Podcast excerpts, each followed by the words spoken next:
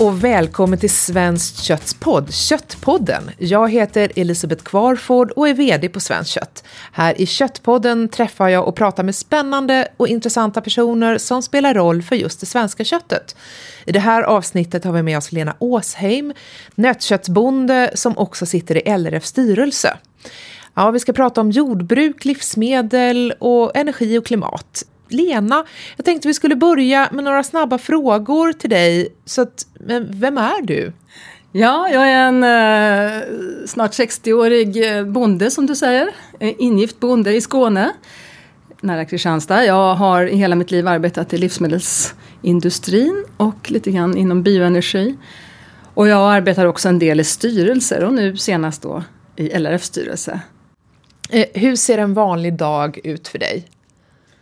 Eh, ja, men på morgonen så är det ju alltid hemma lite rush vem som ska ut och göra vad och, och så. Och jag, min lott faller de hästar vi har oftast. Eh, och sen när de har fått mat och så, så kommer jag in och då gäller det att hämta in dagens nyheter, morgonens input från olika håll, tidningar och radio och så vidare.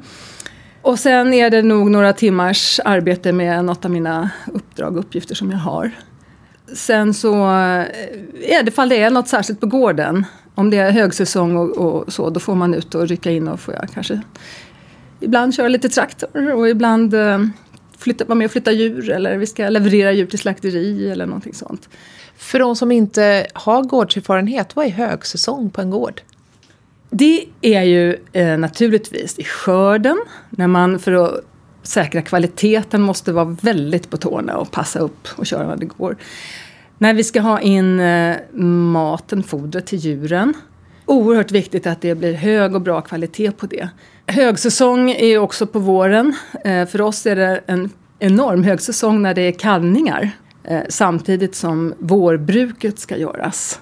Man ska så. Är det så att när det är kalvning då ska det vara en, någon som är där och ser till kon så att ingenting går fel? Eller sköter kon det där själv? Vi försöker att övervaka så gott som. Vi lämnar dem några timmar mitt i natten. Men vi turas om att gå lite pass och så. Man kan behöva rycka in och det gäller i synnerhet förstagångskalvarna då. Äldre korna de brukar klara sig själva. Mm. Hur många djur har ni? Vi hade 140 kalvningar i våras. Så det är 140 mammor.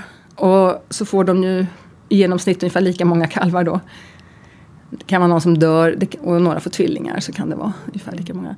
Så det är ja, storleksordningen 300 eh, med dem och sen är det då alla som är ett år som vi fortfarande har kvar hemma på gården och föder upp.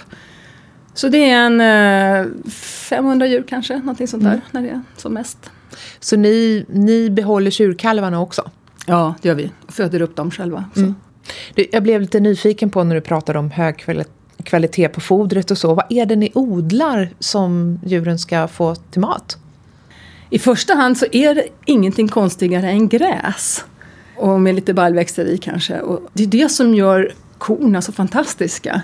Att vi kan egentligen mata dem med bara gräs. Sånt som inte vi människor kan äta. Så förvandlar de det till det här goda köttet då.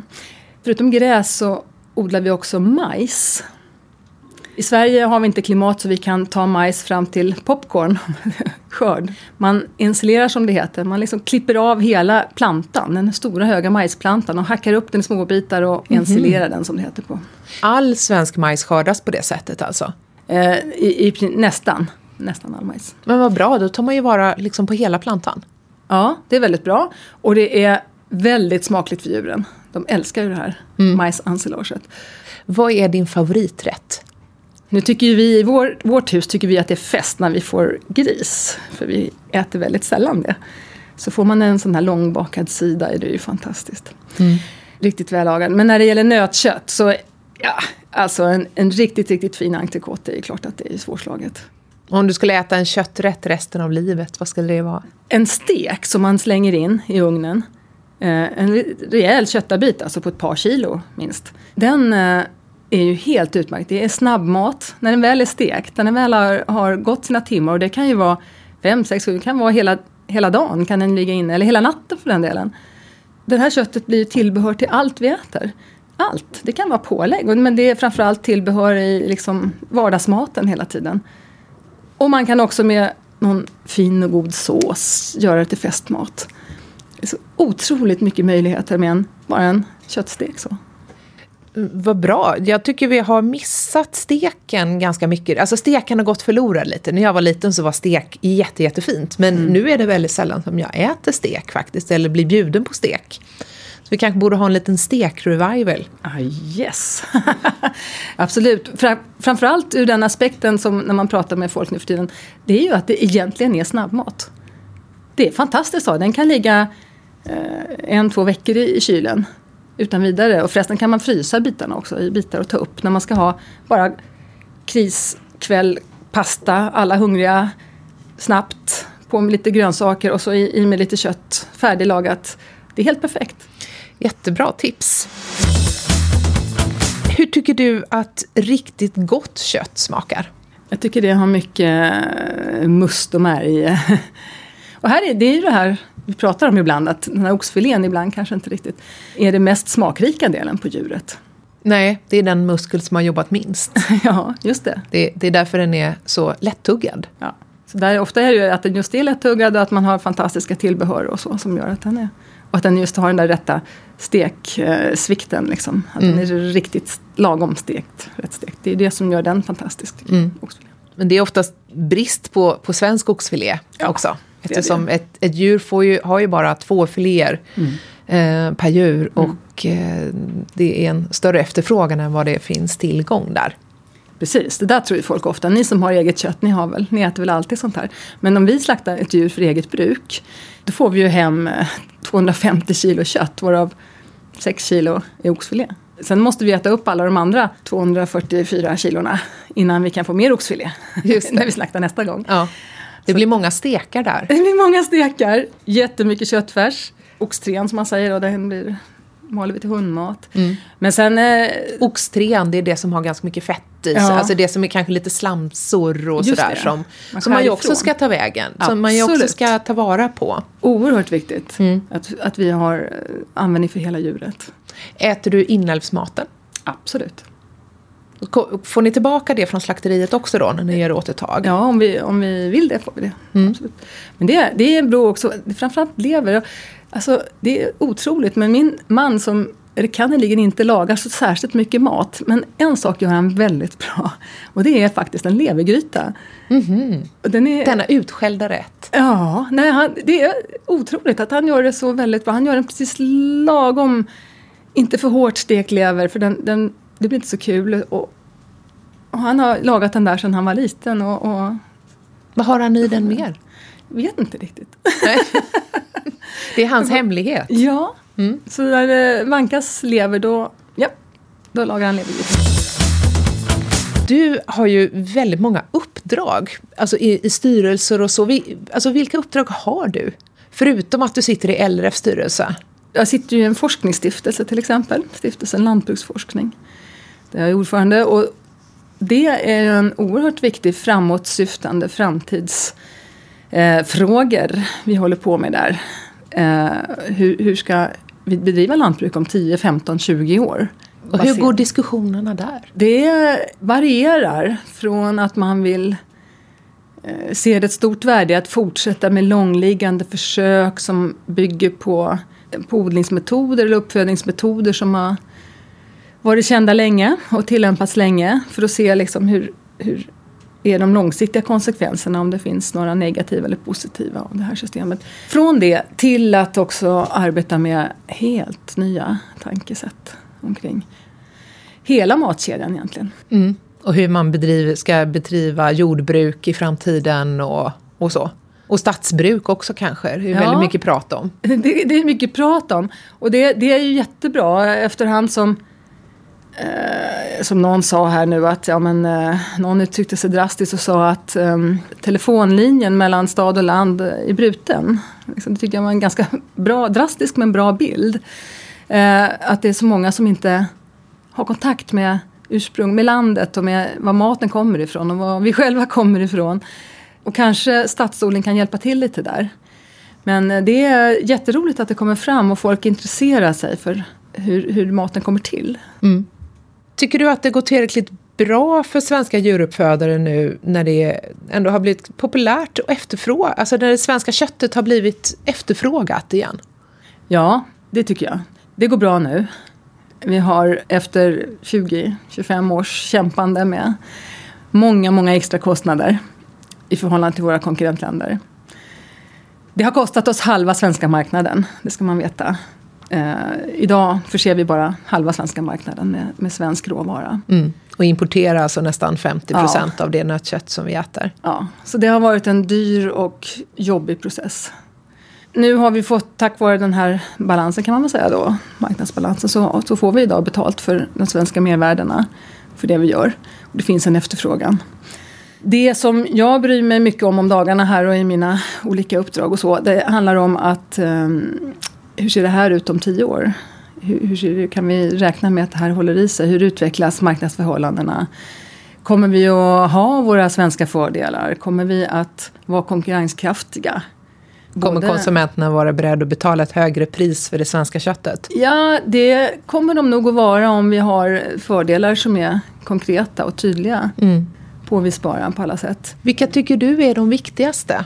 Och, och liksom, det viktigaste för en konsument att hålla koll på när det gäller det svenska köttet? Ja, nu talar jag ju först nötkött då, för där kan jag ju mest. Jag tycker att man ska hålla koll på, eller, eller man ska veta att det är väldigt viktigt det här att de här djuren de, de gör ett stort arbete i Sverige. De gör inte bara det att de producerar köttet vi ska få utan de gör ett stort miljöarbete också. Och åker man ut i landskapet så blir det väldigt tydligt. Om du kör mil efter mil och det bara är eh, skog på bägge, ställ, bägge sidor eller sly eller ris och ingenting som inbjuder att gå ut i till exempel. Då är det inte roligt.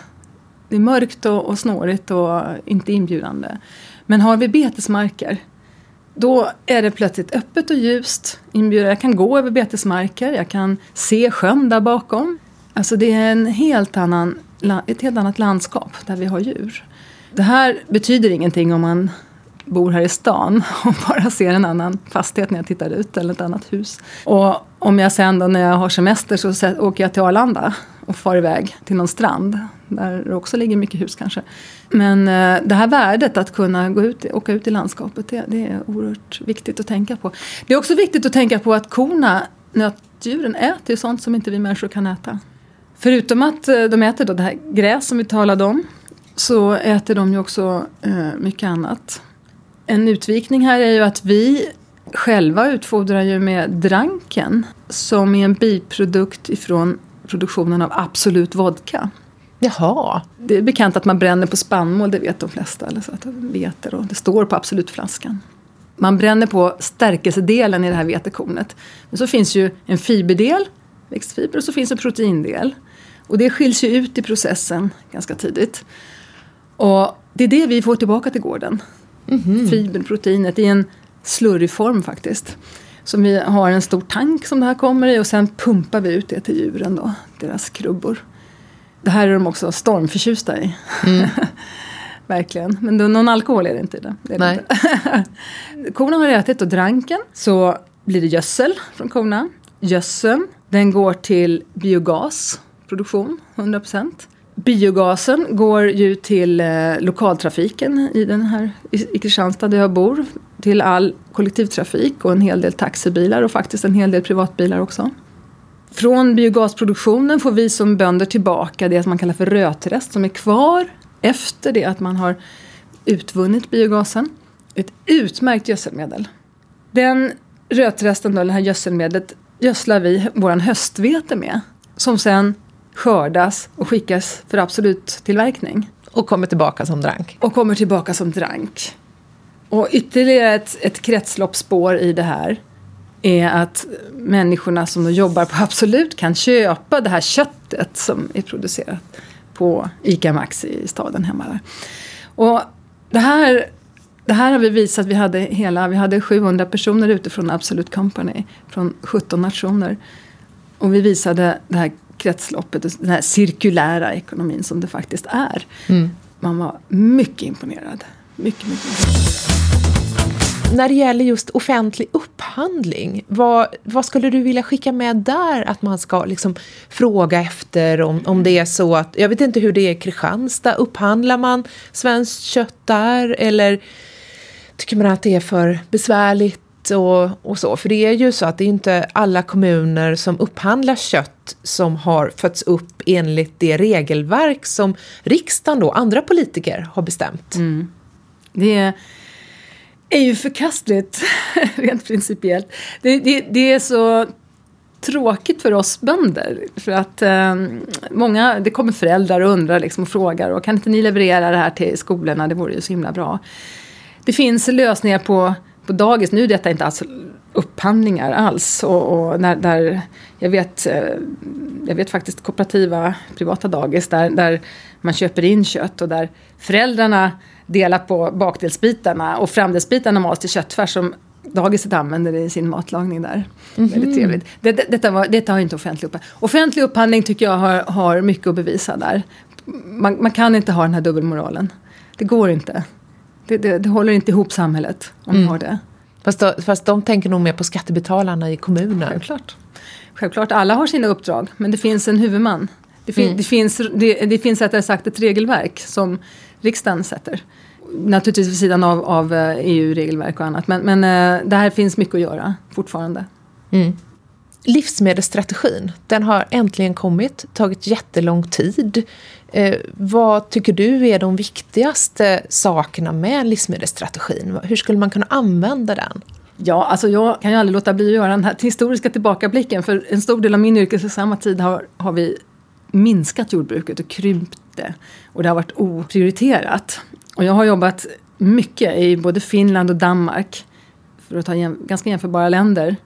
Norge ska vi inte tala om när det gäller eh, livsmedel för de har en helt egen eh, egna system där. Men i Finland och Danmark har man haft, hela tiden haft ett statligt fokus på att vi ska ha produktion i våra länder och vi ska ha eh, export och vi ska ha, det, det är en viktig näring.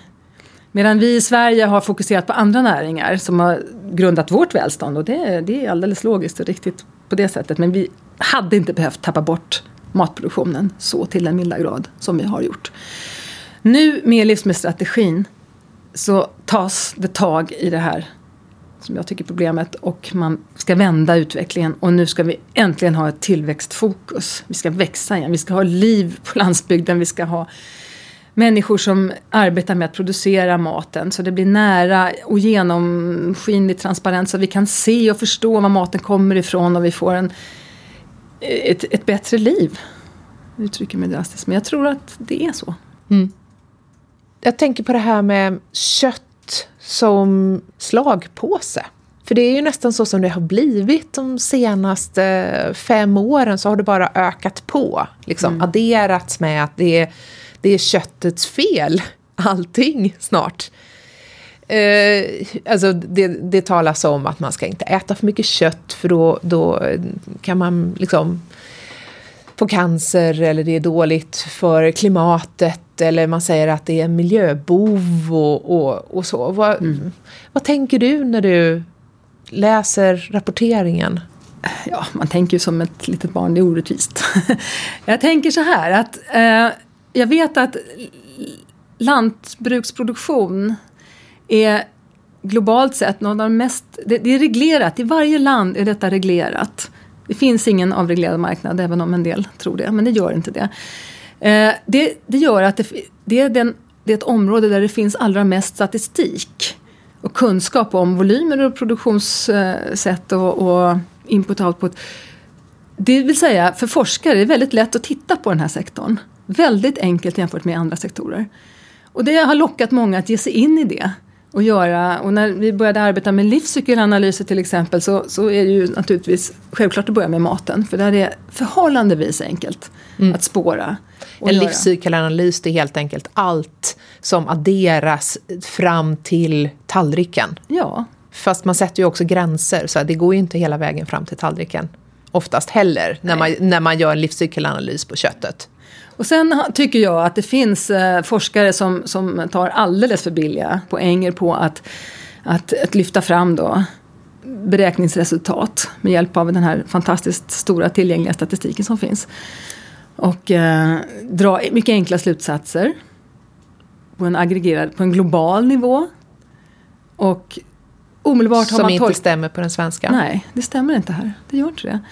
det. Vi har inte de systemen och förutsättningarna. Och det här har tyvärr bitit sig fast. Just att nötkött är den stora klimatboven. Det kan man då med olika metoder räkna fram, eller har kunnat räkna fram.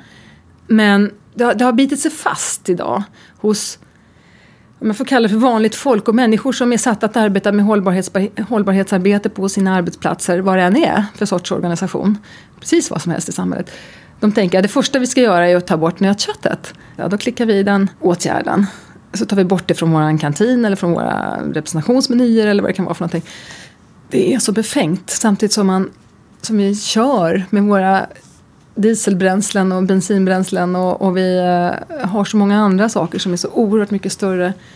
Och massor av, Påverkan. och massor av flygresor för samma företag eller organisation Vi ska kanske. inte tala om flygresor. Alltså det, det, är sån, eh, det är så helt otroligt liksom, hur, hur, hur mycket det tar. Det, de, det handlar om förnybarhet och kretslopp och cirkulär ekonomi och allt det här vi har talat om. Och, och det är klart att det, det bränsle som kommer ifrån det icke förnybara det, det är ju icke förnybart. Och det tär ju på jordens resurser naturligtvis men det tillför, Alltså bensin, naturgas Ja. och så vidare. det tillför koldioxid och eh, sånt För det har varit nere i marken och nu kommer det upp i atmosfären i istället. en artificiell eh, omfattning. Mm. Sen kan jag ju ha synpunkter på nötköttsproduktion i, i andra delar av världen. Att den kanske inte är ja, alldeles etisk alla gånger och, och att det är så att man 100 000 djur på en feedlot för Precis. slutuppfödning. Mm, det är inte så kul. Jag har en, eh, jag hör från kontakter inom eh, biobränslebranschen att det här fokuset som folk har då fått på att nötkött är klimatbov, det är deras största påverkansproblem. När de är ute och berättar om hur fossila bränslena egentligen påverkar klimatet och hur angeläget det är att vi går över till biobränsle då är folk så låsta på det här att nötkött är det som är farligt. Mm. Så de kommer inte igenom, klagar de på. Och då har, vi, då har det hänt något allvarligt tycker jag. Och det, det ska en del forskare här i landet ta till sig. Att man har varit slarvig i sin kommunikation av sina resultat. Om du skulle ge eh, andra jordbrukare några tips, vad, vad skulle det vara? Vad är dina bästa tips för att lyckas? Köttbönder tänker du kanske? Ja, nummer ett är var ute i butik. Ta alla tillfällen att vara ute i butik och prata med konsumenter. Det är, det är oerhört givande och man får mycket input, man får mycket beröm. Det ju, kan man aldrig få för lite av. Det känner vi alla att det vill vi ha. Men man får också reda på hur folk tänker. Och då kan man också passa på att tala med de som sysslar med köttet i butiken och, och butikschefen och sådana också när man ändå rör sig där ute. Men det ger väldigt bra input. Sen eh, var på slakteriet så mycket du kan också. För att vi har eh, inom slakteriet är man, det, det, det är en bransch som är naturligtvis pressad hårt ekonomiskt och stor konkurrens från alla håll och, och pressad från handeln att de ska vara rationella och effektiva. Så att, att utveckla våra detaljer, att få bättre feedback till oss bönder, vad är vi ska göra för åtgärder i vår produktion för att vi ska få ännu bättre kött.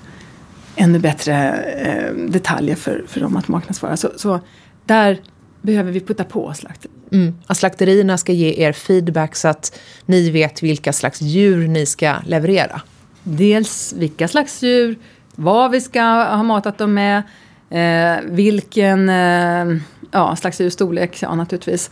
Eh, ja, sådana saker som har betydelse, som vi kan påverka i produktionen.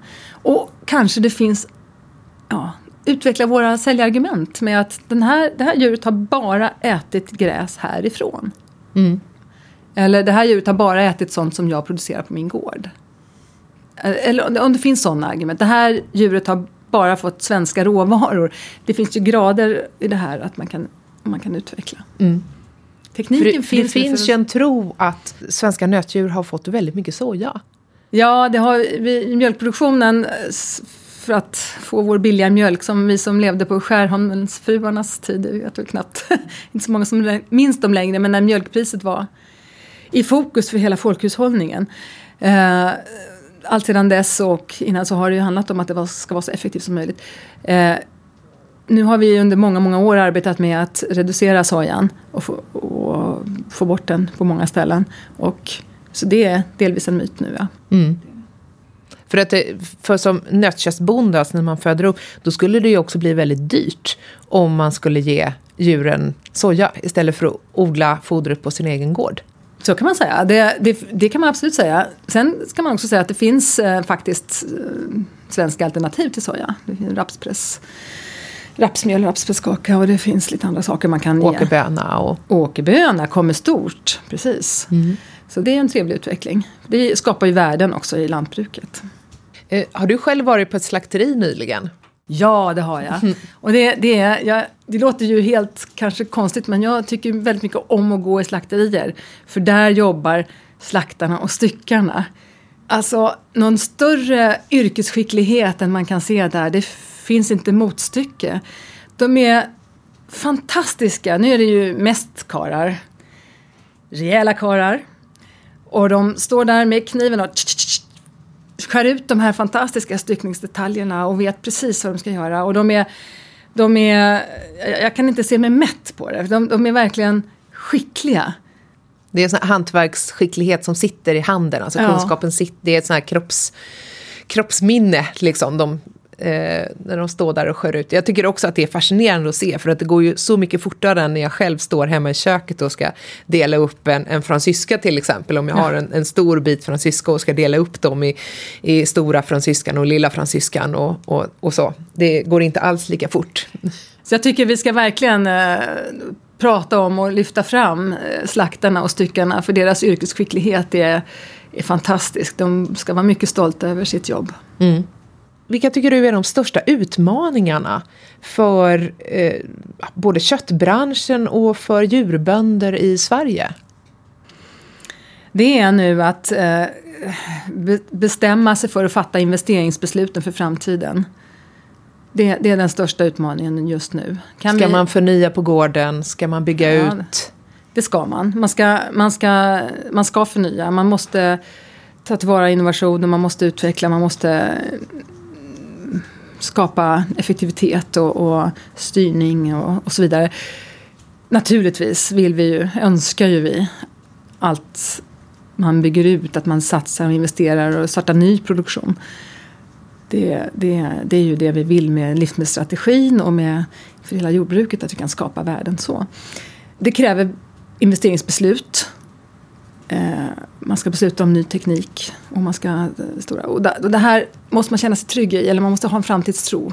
Och här har vi alla, många, en, en uppgift att försöka förmedla den här framtidstron. Så att vi får till de här investeringarna.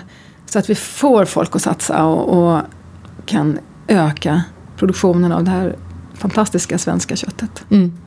Och vi har ju också en hög medelålder på de svenska bönderna. Vem ska ta över vem ska ta över er gård? Ja, det är, en fråga varje familjehögtid och så vidare när man träffas.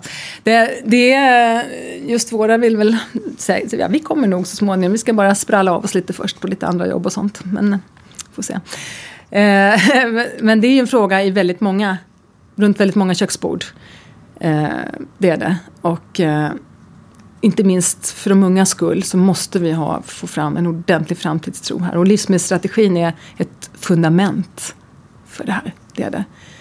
det finns mer att göra. Banker, andra, vi måste eh, lyfta ut de innovationer som finns idag och som utvecklas till gårdsnivå. Det är också inspirerande för ungdomarna när de, när de ser vilken... Eh, Man kanske inte behöver slita fullt så mycket eller har ett tungt, så tungt arbete som föräldrarna har haft utan man kan göra saker effektivare, rationellare med olika investeringar, styrningar, eh, teknik, mm. IT. Så. Och eh, det tycker de är roligt. Så här gäller det att bereda mark för det på olika sätt och vi på LRF ska göra allt vad vi kan för det. Det var allt för idag. Idag har vi fått lära oss att eh, Lena Åsheims kor driver bussarna i Kristianstad. Eh, vi har fått lära oss att eh, levergryta kan vara en helt fantastisk rätt och att en stek eh, av nötkött kan vara snabbmat, eh, det kan vara en måltidsräddare och det, den kan räcka i flera veckor. Synpunkter och tips tar vi gärna emot på till exempelvis Twitter under Svenskt kött eh, och Facebook-sidan som heter likadant. Tyckte du om Köttpodden så sätt gärna ett betyg eller skriv en recension på iTunes eller där du hittade Köttpodden. Vi hörs snart igen.